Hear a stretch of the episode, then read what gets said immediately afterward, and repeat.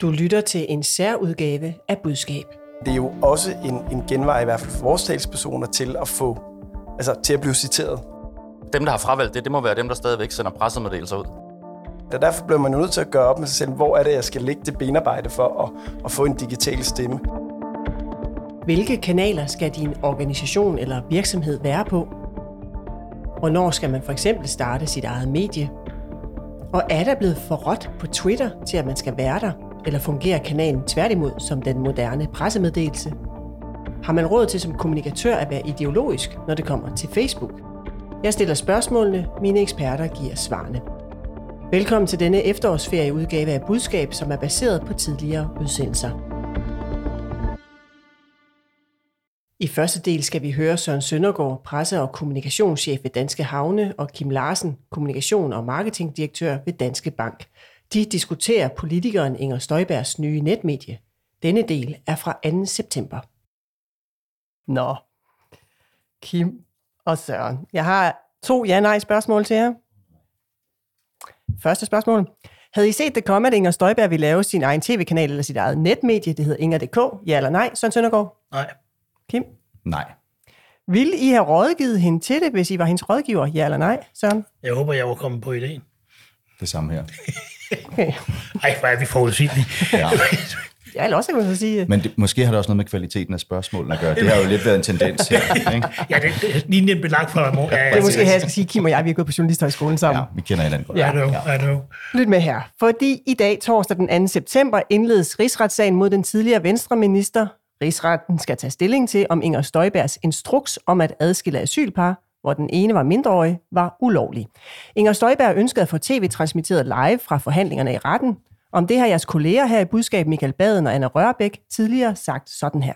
Formålet for Inger, det er jo Inger. Altså det hun foreslår, det er Inger TV, og man kan lige så godt kalde det Inger-kommissionen, ikke? Altså Støjberg er jo en ekstremt god kommunikator. Hun har et vildt stærkt brand, og hun formår virkelig på alle måder at få sine budskaber igennem øh, til sine øh, til sin, øh, øh, øh, følgere og sine fans. Øh, så Støjberg vil have rigtig meget gavn af at komme ufiltreret igennem. Ja, men Inger Støjberg, hun fik ikke sit ønske opfyldt. Først afvise, afviste rigsretten tv-transmissionen, og siden gjorde et flertal i Folketinget det samme. Nu har hun så i stedet lavet sit eget medie, et betalingsmedie, hvor man for 25 kroner om måneden kan blive opdateret på, hvordan hun oplever sagens gang i rigsretten. Velkommen her på siden. Meningen med den her side er, at du skal kunne komme helt tæt på dansk politik. Du skal kunne komme bagom, hvad jeg laver i Folketinget, men selvfølgelig også her i første omgang få et godt indblik i, hvordan sådan en rigsretssag forløber. Ja, Kim Larsen. Hvad får Inger Støjberg ud at lave sit eget medie? Men det der, det er crazy godt tænkt. Altså, der kan være nogle diskussioner, man kan have om etik og politik og sådan noget i forhold til Den kan vi tage lidt senere. Men altså, hun er et stærkt brand. Hun kommunikerer virkelig fantastisk. Hun har øh, en, en stærk profil. Hun har en meget øh, stor og lojal øh, base. Hun har ovenikøbet sit eget logo, altså den der øh, knold, hun har i hovedet, som er blevet til et logo, så hun har også en meget genkendelig profil, og hun er jo sådan, du ved, fra Jylland, hun er almindelig, hun er, altså hun er jo sådan, du ved, en virkelig stærk kommunikator, både på grund af den, hun er, og det, hun siger, og den måde, hun gør det på. Og nu skaber hun sit eget ekokammer, hvor alle dem, der er enige med hende, og hvor hendes base kan få så meget dokumentation, som de har brug for, for at kunne gå ud og kæmpe hendes sag i de diskussioner, der foregår. Det er, set fra et kommunikationsstrategisk og taktisk perspektiv, næsten genialt. Det eneste, jeg er i tvivl om, det er, om hun så ovenikøbet også kan få folk til at betale for det. Okay. Øh, hvis hun kan det, så vil jeg sige, så er det genialt plus. Søren Søndergaard, du havde ikke set det komme, siger du lige, og det sagde Kim i øvrigt også. Øh, hvor mange gange har du oplevet det på Christiansborg? At, at, at man lige pludselig lancerer sådan noget, uden der er nogen, der ved noget? Og det er meget sjældent. Øhm, Jeg synes stadigvæk, det er pinligt, at jeg ikke har set det komme. Men, øh, men det er meget sjældent, at noget kommer som et, et lyn fra en klar himmel på den måde her. Er det en fordel for hende? Ja, det er helt klart en fordel, fordi det havde nyhedens interesse, og som Kim siger, det er brilliant godt set, og hun får øh, etableret en, sit eget ja, ekokammer, som, som Kim kalder det. Så øh, det, er, det er simpelthen til et 13-tal på den gode gamle skala. Men er det et 13-tal på den gode gamle skala i forhold til, at det er et, Altså jeg tænker, er det et stunt, hvor hun så får noget medieomtale, eller ser du, at der er noget reelt indhold i det, at nu skal hun så fremadrettet øh, tjene penge på det her? Jamen, ja, øh, hvis jeg deler op, så siger det er selvfølgelig det stunt, hun får medieomtale, og det er en god optag til, til rigsretssagen, der begyndte her i morges. Øhm, så på den måde, det er den ene side af det, men hun får jo netop det, som Kim også omtaler som ekokammer, hun får jo en kommunikationskanal, hvor, øh, hvor, øh, hvor øh, medierne vil være tvunget til at kigge lidt på, hvad der foregår, hvor hun får mulighed for at lave sin udlægning af tingene. Jeg tror, der vil være folk, der stemmer ind på den der hjemmeside, som egentlig ikke stempler ind forfærdeligt mange andre steder.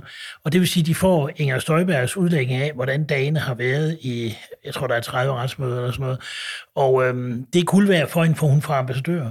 Og de mennesker, hvis de sidder og ser TV2 eller, eller Danmarks Radio om aftenen, og så er en anden kloge kommentator, der står og udlægger teksten, så vil de jo straks sidde i sofaen og gå i rette med vedkommende, hvis vedkommende siger noget, der ikke passer ind i Støjberg-universet. Det er fabelagtigt godt. Jeg deler Kims øh, øh, sådan, øh, ja, hvad skal man kalde det, øh, undren over, om det kan lykkes at lave en forretning ud af det også, fordi danskerne, det der med at betale for at være inde på alt muligt for at få viden, det er vi ikke verdensmestre i Danmark. Det er vi ikke. Det er der mange medier, der kan fortælle en hel masse om, når de laver betalingsmure og sådan noget.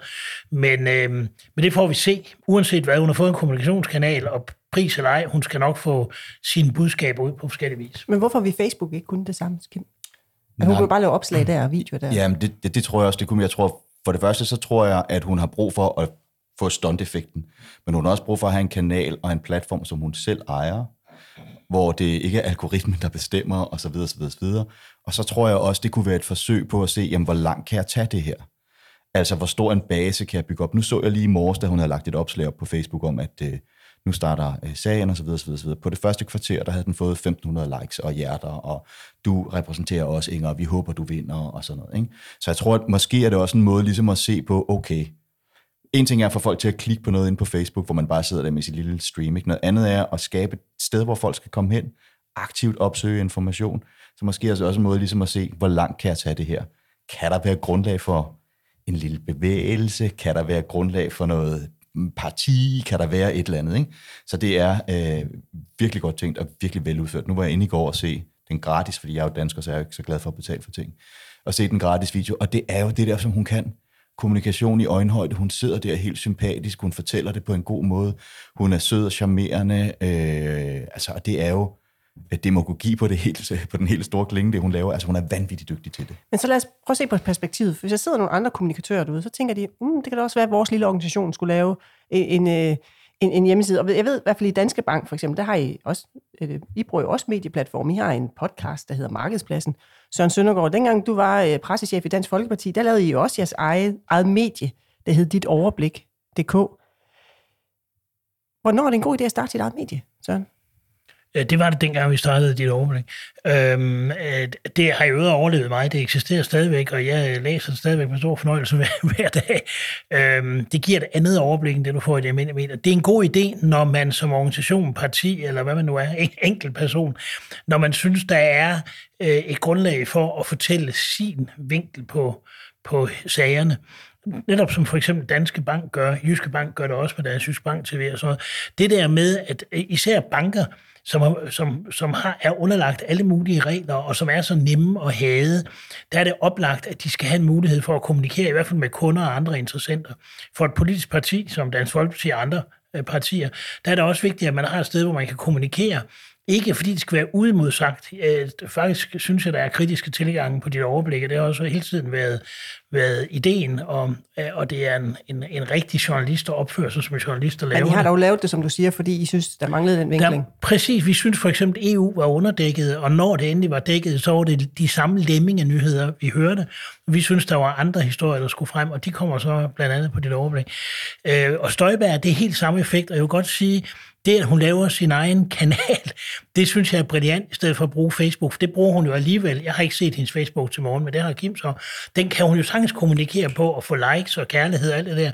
Men det her, den her ramme, hun har skabt, den er lige nummeret mere professionel. Den, den har det der M af lødighed over sig, som gør, at hendes kommunikation bliver endnu bedre i rammen. Men Kim, jeg synes, du rystede lidt på hovedet, dengang jeg stillede spørgsmålet om, skal alle så bare starte deres eget medie? Nej, men jeg tror, der er, øh, der er et par ting, man skal overveje. Det ene er, jeg tror, det er udtryk for en tendens, Altså den der polarisering betyder jo, at man har behov for at kunne kommunikere til sin base, uden at man kommer ind i den der mediecentrifuge, hvor alting bliver meget polariseret. Og det betyder jo, øh, for eksempel for os, en overvejelse, man kunne have som, øh, som virksomhed, det var i gamle dage, der fik man point for at trække konflikten ud af en historie, fordi så blev alle lidt mere venlige, og så kunne man have en mere begavet samtale. Sådan er det ikke i dag, fordi der sidder altid nogen og, og holder konflikten i gang, fordi det har, de, øh, det har de behov for. Hvad betyder det? Ja, det betyder, at man får ikke samme Øh, point for at trække konflikten ud. Det betyder, at man bliver nødt til at vende sig til at være lidt mere offensiv og, og vende sig til at være lidt mere kritisk. Men det betyder også, at man det bliver mere attraktivt at gå et sted hen, hvor man har et sted, hvor man kan kommunikere til sin base, uden at skulle ind i det der polarisering. Og derfor så tror jeg, at flere og flere politikere, virksomheder, alle mulige vil forsøge at kommunikere uden om det der medialiserede offentlige debat. Men det betyder jo ikke, at alle virksomheder Øh, Dansk Fysioterapeutforening for eksempel har kapaciteten eller interessen eller øh, det, der skal til for at få folk til at komme ind og kigge på deres egen medier, så er det måske i virkeligheden en meget lille målgruppe. Det, der jo er øh, genialt og farligt ved det, Inger laver, det er jo, hun kan jo tiltrække en bred gruppe, også folk, der ikke nødvendigvis normalt ville engagere sig i politik, og så videre, så videre, så videre. Så hun har et meget stort potentiale. Men jeg tror, det er en tendens i tiden, at flere og flere virksomheder, organisationer, personer vil blive deres egne medier, Øh... Og så sidder jeg jo her som journalist. Du er jo også uddannet journalist, Søren. Du er jo også journalist af baggrund. Så sidder jeg og tænker, som, som journalist, jamen, har vi så ikke et etisk problem her, hvis alle kommunikatører bare begynder at lave deres egne platforme, og så forsvinder den demokratiske samtale fra de etablerede medier, for så behøver man ikke længere stille op der, Søren. Jeg er stor fan af kritisk uafhængig journalistik. Den kan bare sagtens, man skal tro så meget på sig selv som uafhængigt medie, at man kan sagtens gå op imod øh, et voksende antal kommunikatører, der ansættes i virksomheder og brancheorganisationer og partier. Men hvordan kan man det, hvis de ikke stiller op der, men kun på deres egen platforme? Jo, men det er jo et spørgsmål om at finde sig i, om de stiller op. Det er jo klart, at når man, når man ser øh, ministre, der har mere travlt med at fortælle om deres madpakker, end at svare på journalistiske spørgsmål, så er det jo mediernes rolle og opgave at udstille det ind til ministerne øh, svare på spørgsmålene. Men det har bare ikke noget med den anden situation at gøre. Jeg synes, der er noget hulkeri i Medie Danmark over, at det er ikke kun er journalister på uafhængige medier, der kan stille spørgsmålene. De må tage kampen op og tro på deres egen faglighed. Det her det er et nyt vilkår. Jeg er nemlig helt enig med Kim, der bliver flere og flere, der udgiver sig selv på den her måde. Det skal man som journalist, uanset hvilken side af plankeværket man sidder på, kunne forholde sig til og agere øh, øh, øh fagligt i, i stedet for at klunke. Er det klønk, at man siger, der er måske lige et demokratisk problem her? Altså, der er rigtig meget klønk i danske medier. Der findes ikke nogen branche, der klynker mere. Det er, det er min personlige erfaring og mit synspunkt, men der er en problemstilling, fordi, og det handler jo generelt om kvaliteten af den offentlige samtale, vi har med hinanden. Hvem er det, der sørger for, at den, at den kvalitet skal hæves? Ja, det er jo medierne. Så kan man diskutere, om de løser den opgave godt nok. Og man men medierne kan, også, kan jo ikke udkomme. Altså, hvis folk ikke deltager... Nej, men, men det handler også om, der er jo måske handler det også om, at der er mange professionelle kommunikatører, som føler, at de præmisser, man skal deltage i den offentlige debat på, er forkerte. Det opfatter medierne som udtryk for, uh, de kan ikke tåle kritik. Det kunne også godt være, at man simpelthen bare tænker, at den måde, medierne driver det på, den der polarisering, og det der med at hive folk ud i, du ved, ekstreme synspunkter for at få flere kliks og likes og sådan noget, det kan jo også godt være, at en af grundene til, at nogen vælger den der øh, gammeldags offentlige debat fra, er fordi de præmisser, den foregår på, ikke synes rimelige. Men det jeg vil sige, det er, tror jeg har sagt det før også her, alle, der deltager i den offentlige debat, har et ansvar for, hvordan de selv deltager i den offentlige debat. Og det er derfor, jeg vil sige det der med Inger Støjberg. Det er genialt set, hvis hendes mål er at optimere sin egen indflydelse. Men hun har også et ansvar for, hvad det er for en fælles samtale, vi får med hinanden. Og for hver eneste gang, man skaber et ekokammer, deltager i et ekokammer, vælger den fælles samtale fra, så er man med til at bidrage til den udvikling, som fører til, at vores samtale bliver ringere. Så jeg har et, et, et afrundende ja-nej-spørgsmål det på den her spændende. debat. Ja. Har kommunikatør et ansvar, et etisk ansvar for den demokratiske samtale fungerer? Kæmpe stort ansvar. Søren? Fuldstændig enig.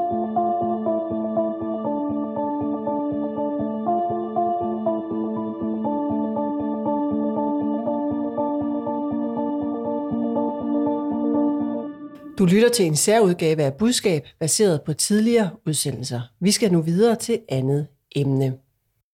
Det handler om Twitter. Spørgsmålet er, om tonen på platformen er blevet så hård, at organisationer skal overveje, om de overhovedet skal bruge deres tid der.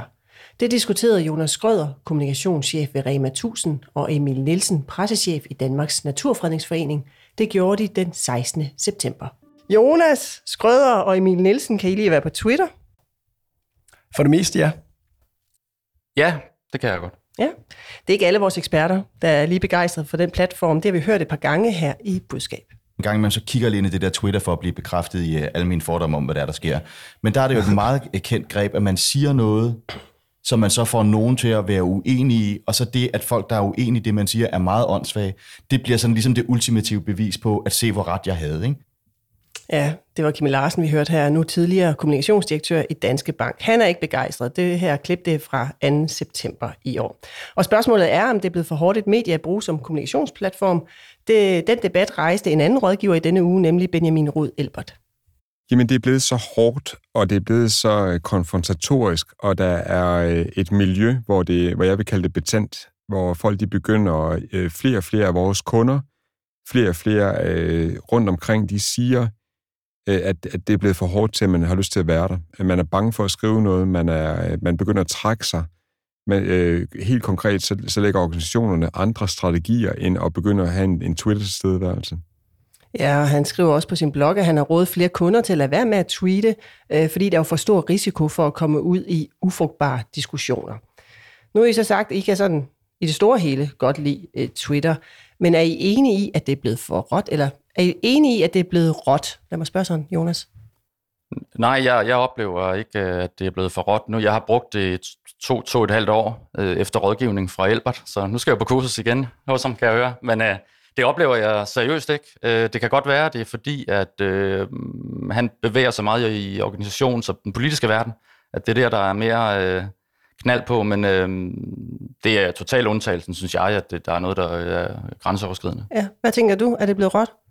Ja, det, det, er, det er helt klart øh, min overbevisning. Jeg tror, jeg har været hvad kan man sige, meget aktiv øh, Twitter-bruger i, i 10 år. Jeg synes helt klart, at, at, øh, at tonen har ændret sig ganske markant. Det er jo heller ikke uden fortilfælde, at det er hvad kan man sige, Donald Trumps øh, foretrukne medie, fordi det er ligesom en, en, et medie, som er, øh, som er hurtigt og skarpt, og der er nogle begrænsninger på, hvor, hvor kompleks man kan kommunikere. Og, og det kan jo godt betyde, at, at mediet på en eller anden måde er med til at fremme de, hvad kan man sige, de hurtige, lette, øh, skarpe holdninger. Og det er jo noget af det, som jeg altid tidligere har elsket, fordi man ligesom også tvang sig selv til at kommunikere, hvad kan man sige, skære sin, sin kommunikation til og gøre det, gøre det forholdsvis simpelt. Øh, men, men Twitter har, af min oplevelse, ændret sig fra at være sådan et hvad kan man sige, udvidet intranet for, øh, fra sådan professionelle aktører, professionelle organisationer og folk omkring sådan den politiske meningsdannelse til i dag at være blevet meget bredere medie, hvor at den der øh, hvad kan man sige, skraldespandstendens, der har været på, på et medie som Facebook i lang tid, den er også i høj grad flyttet over på, på Twitter.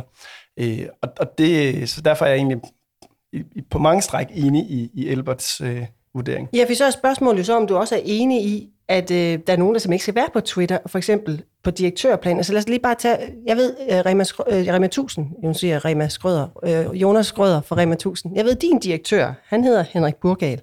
Han er ikke på Twitter. Er det din rådgivning? Ja, det er det. Og det, øh, jeg, vil også, jeg vil så gerne have ham lidt mere på LinkedIn. Det er også min rådgivning, så det arbejder vi stadigvæk på at få ham. Men øh, Twitter øh, er, det er super vigtigt på Twitter, at man øh, ikke bare poster noget, og så øh, kigger igen efter fire timer og ser, hvad der sker. Det kan man gøre på LinkedIn. Twitter, det er et, øh, jeg ser det meget mere som sådan en dialogforum. Så når jeg lægger noget på, så går jeg jo dybest set og holder øje hele tiden de første par timer for at se, hvad der sker. Så det er ikke fordi, det er råt, at han ikke er på? Øh, nej, det er mere fordi, at hvis man skal give ordentlig kvalitet til det, så skal man være så meget til stede. Det vil sige, det er bedre, at han bruger sin tid på noget andet. Men det er jo øhm, prioriteringsspørgsmål. Du kan sige, du, man kunne ja, godt sige, så må min direktør så bruge lidt mindre tid på den slags Nå, ja, helt, helt sikkert, det er et prioriteringsspørgsmål. Øh, man kan sagtens være på Twitter, hvis man er direktør. Øh, men jeg mener, jeg, jeg ved ikke, hvorfor at, at uh, Albert synes sådan generelt, det er så råt. Uh, altså, jeg, jeg har det også sådan, at det jo handler om at afveje op og downside ved det, og jeg ser helt klart en upside for mig, og os i hvert fald, i forhold til, hvor meget egentlig uh, medietid vi får, og hvor meget vi kan, jeg, jeg kan prikke og røre ved, ved de rigtige stakeholder derude. For eksempel har vi lige øh, lanceret, at vi øh, begynder at køre med nogle biogaslastbiler, og der kan jeg jo bare se, at de rigtige stakeholder inden for øh, organisationer og, og politiske system, journalister, de ser det. Og det er jo super vigtigt. Vores logistikdirektør kommer og siger til mig, jeg er lige blevet inviteret med til noget. Vi er vist den eneste kæde, der er inviteret til det, med til det. Og så er det jo ikke, fordi vi nødvendigvis har fået 10.000 likes derinde, men der er bare de rigtige, der har set, at vi gør det der. Så sådan, på sådan et professionelt stakeholder-niveau, der er det altså super fedt. Så at have det, jeg hørte dig sige, det er, at det, det er vigtigt, at altså, virksomhed er på Twitter, men ikke nødvendigvis, hvem det så er for virksomheden, der er derinde. Øh, nej, ikke i vores tilfælde i hvert fald. Hva- Hvad med din organisation? Altså, jeg ved, din direktør, Maria Rømer Gerding, eller præsident hedder det jo, mm. øh, hun er øh, aktiv på Twitter. Øh, det, det er du også. Hvorfor er det vigtigt for jer at være der?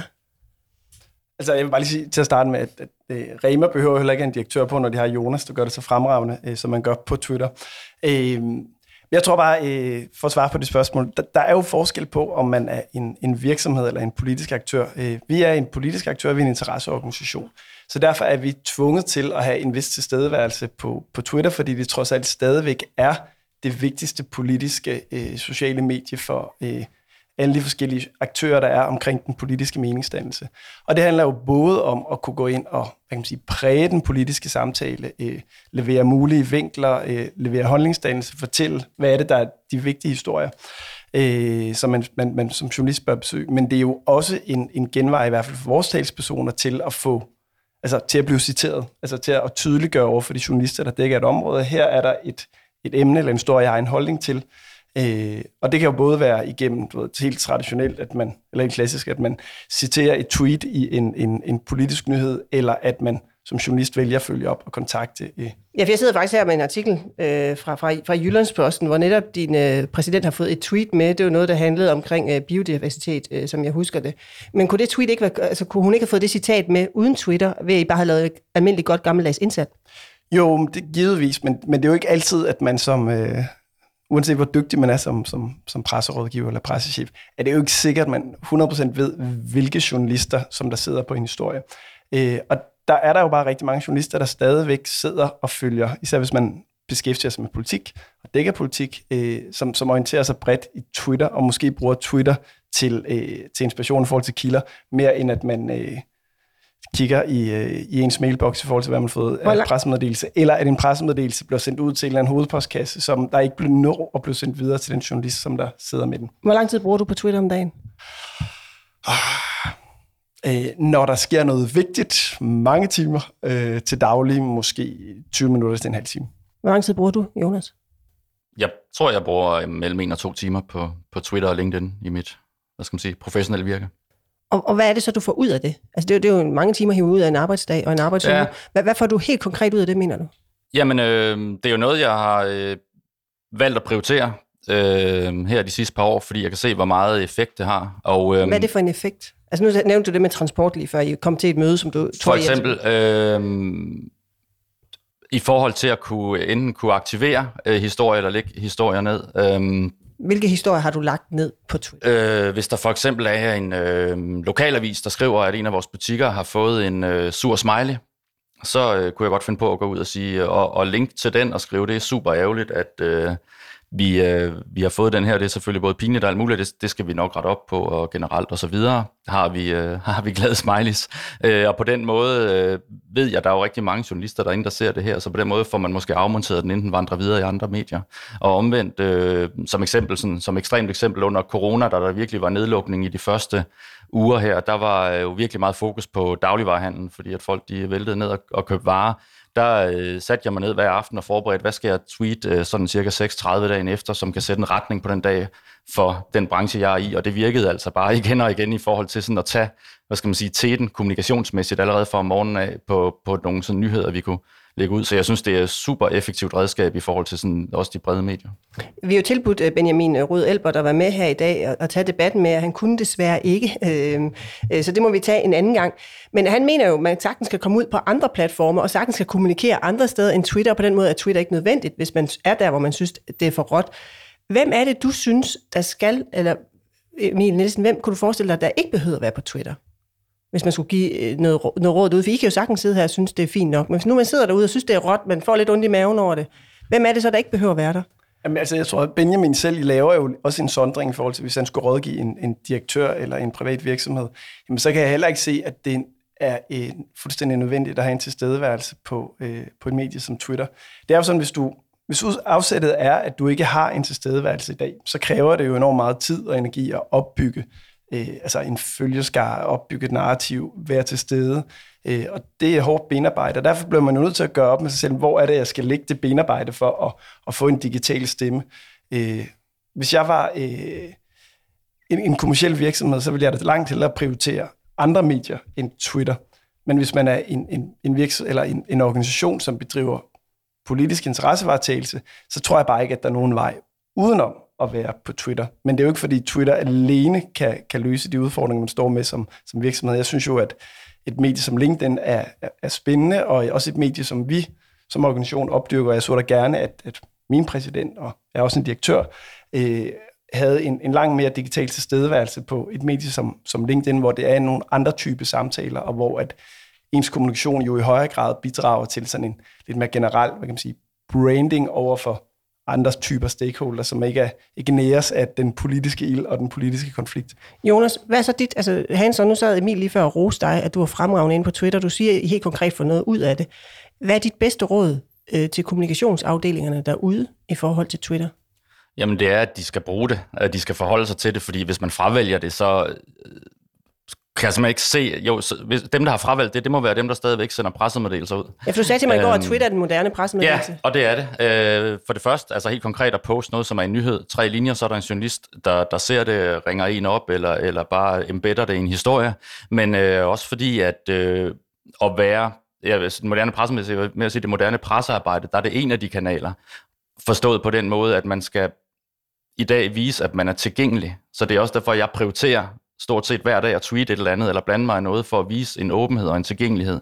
Og det gør, øh, som jeg ser det, at man, øh, man nemmere får taletid, når der også er noget vigtigt, eller vigtigt, eller noget kommercielt øh, budskab for øh, vores virksomhed at tale om. Så derfor så er det et sted, man som kommunikationsafdeling, vil jeg sige, skal, skal forholde sig til at gå ind for ligesom at bearbejde øh, den del af, af, af sine stakeholders.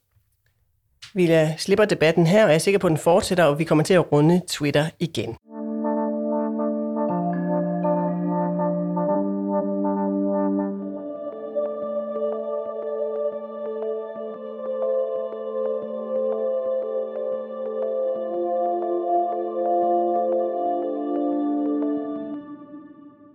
Og så skal vi til sidste emne i denne særudgave af Budskab. Det handler om Facebook.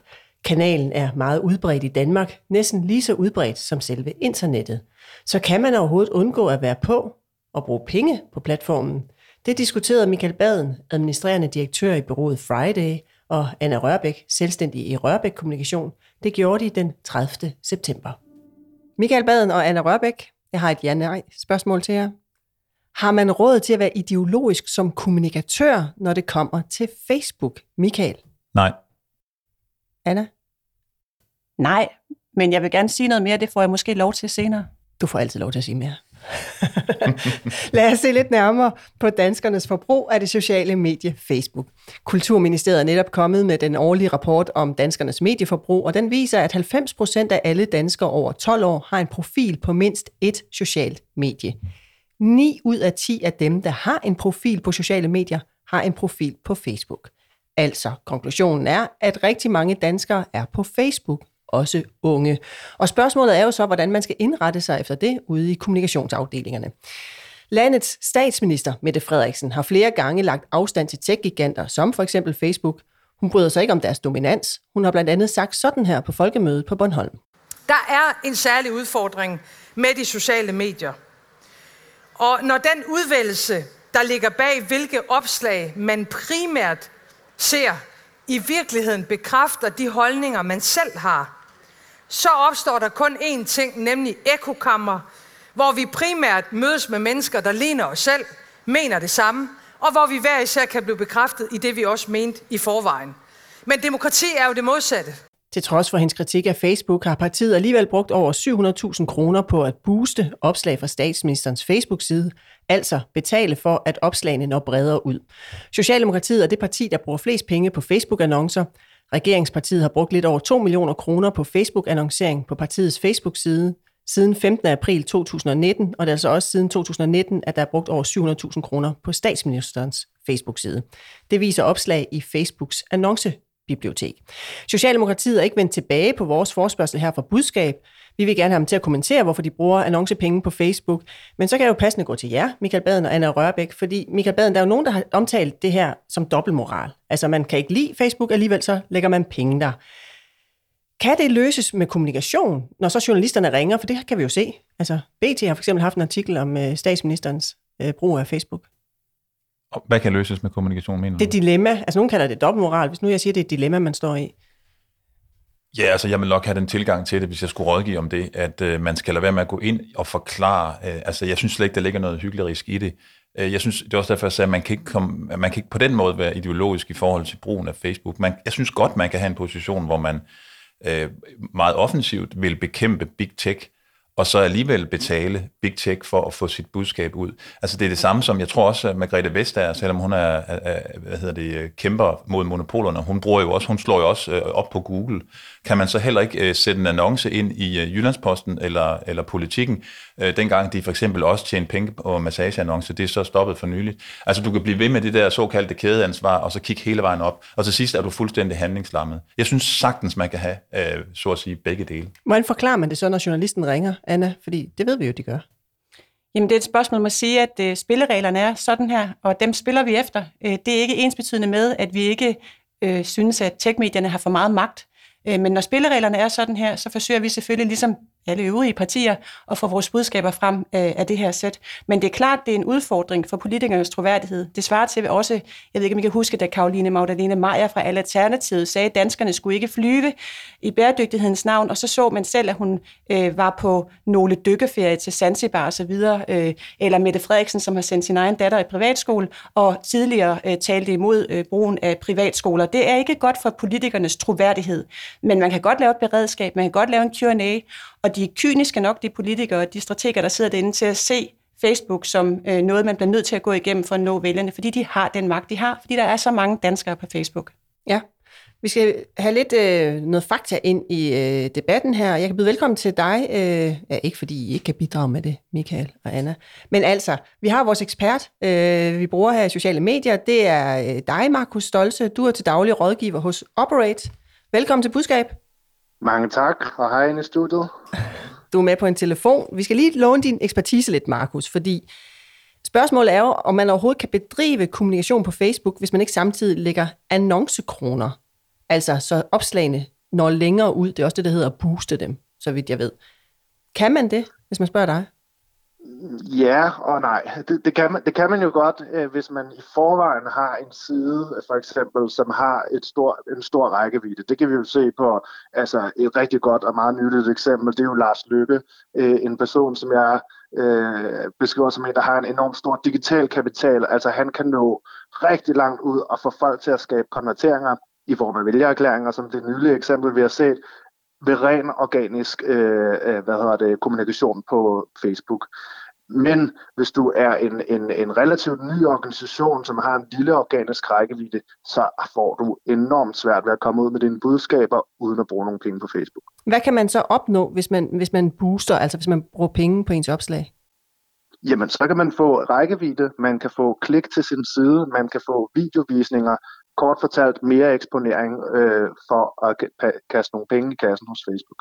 Hvad betyder det omvendt? Altså hvis man så vil vælge den organiske model, altså man tænker, jeg kan ikke lide Facebook, jeg har ikke lyst til at lægge penge derover, de kan få mine data ved at jeg er her, men de kan ikke få mine penge. Hvordan virker algoritmerne så?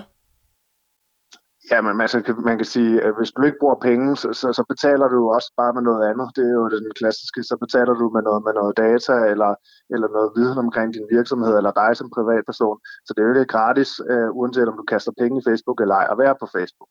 Øh, men sådan som algoritmerne virker, øh, det er jo, at at for at kunne nå bredt ud organisk, øh, i det øvrigt også betalt, øh, hvis du vil have succes fra din betalte annoncering, så skal du lave noget indhold, som der skaber noget interaktion. Og noget af det, som Facebook prioriterer særligt højt for tiden, og som de har gjort siden cirka 2018, det er det, de kalder for meningsfulde interaktioner. Og meningsfulde interaktioner, det er, øh, når øh, du, Line, for eksempel øh, hvad hedder det, skriver en kommentar til et Facebook-opslag, og der så er en af dine venner, som der skriver et svar på din kommentar, og så pingponger I frem og tilbage. Det kan Facebook-algoritme rigtig godt lige for tiden, øh, og det er også derfor, vi ser, at for eksempel øh, opslag, som har et element af forarvelse over sig, performer ekstra godt på Facebook. Det er fordi, at det er sådan noget, der vækker debat og får folk til at skrive kommentarspor. Bliv lige hængende, Markus. Vi går lige til panelet her, fordi Anna, nu spurgte jeg jo indledningsvis, om man kan være ideologisk. Altså, om man har råd til at være ideologisk som kommunikatør. Der sagde I begge to nej, men du sagde, du gerne vil have lov til at uddybe, så jeg tænker, der kommer en nuance på det. Hvad mener du med det? Altså, jeg tror ikke, man som politisk parti i dag kan komme udenom Facebook, øh, fordi at man jo netop ser, at der er så utrolig mange danskere, der er der, hvad er det, 88 procent eller sådan noget danskerne som over 12, som har en profil på Facebook, noget af den stil, ikke? Øh, og øh, så jeg tror ikke, man kan komme udenom om det som sådan. Øh, men man kunne jo godt vælge øh, øh, nogle, nogle, nogle andre veje. Man kunne godt lave en anden strategi og måske få noget omtale på det. Øh, men jeg vil sige, det er nok svært, og det var også derfor, jeg endte med at svare nej. Men man kan jo godt sige, at vi vil simpelthen ikke. Øh, og så lave en anden kanalstrategi, som er båret af noget andet.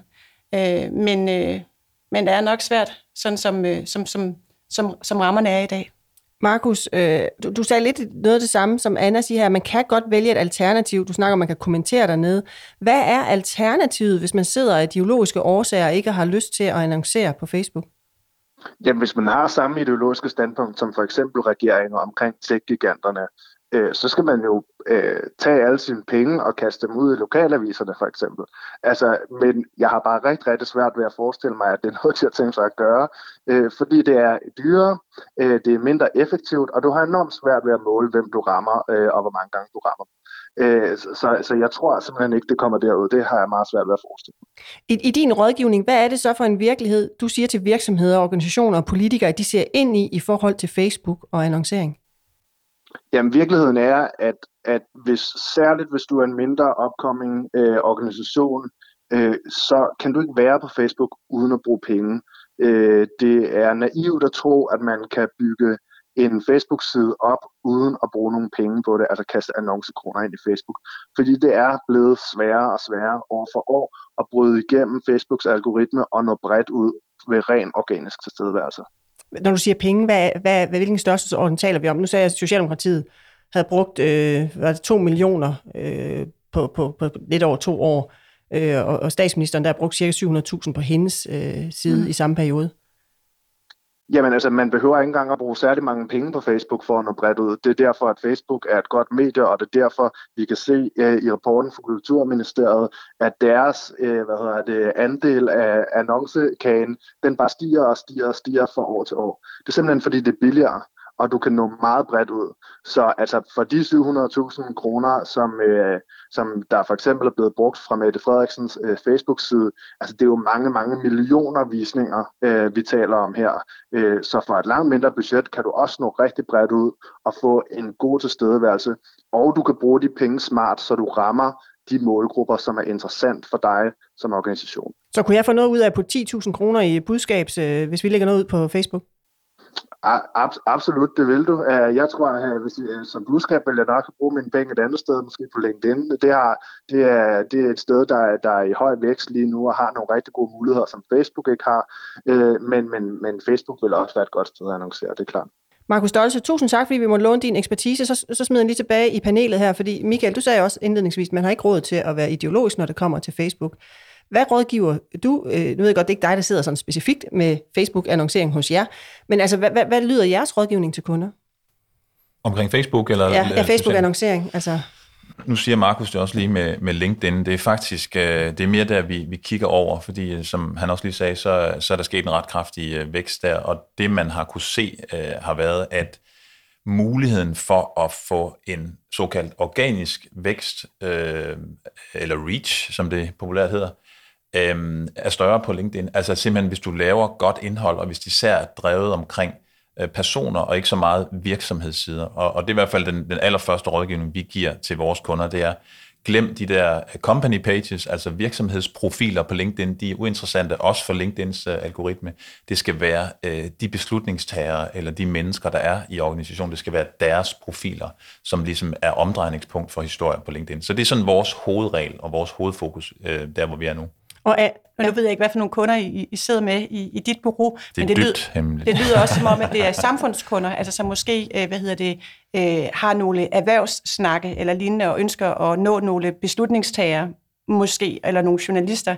Jeg tror, hvis man sidder og arbejder mere med forbruger, øh, øh, området og gerne vil afsætte nogle produkter, et par nye sneakers eller lignende, så er man måske mere til stede øh, på Facebook og øh, op imod LinkedIn. Så det er jo også et spørgsmål, der vil kigge på, hvad er det for en målgruppe, vi ønsker at nå øh, med øh, vores produkt eller vores øh, øh kommunikation. Øh, og, og, og på den måde så øh, enten vælge Facebook, Instagram, øh, LinkedIn, Twitter, hvad det end kan være. Ikke? Øh, men, øh, men, men netop Facebook øh, er mere forbrugerrettet. Vi runder ned fra Facebook-snakken her, og så var det altså Markus Stolse, der er rådgiver til daglig i Operate, vi havde med øh, omkring alle de her detaljer, der er at vide om Facebook.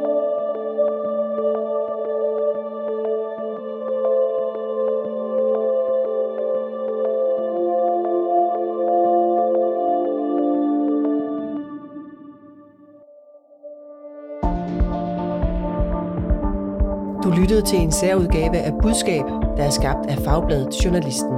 Redaktør er Marie Nyhus. Rakkerpak Productions står for lyd og teknik. Denne særudgave er baseret på tidligere udsendelser, og her har du hørt klip fra Inger.dk, podcasten på tværs af medier og netmediet Altinget. Vi er tilbage med en nyhedsaktuel udsendelse i næste uge. Og husk, du kan abonnere på vores podcast. Giv den meget gerne en anmeldelse på din vej. Mit navn er Line Erlund. Og husk, ord er ikke bare ord. Tilsammen udgør de dit budskab.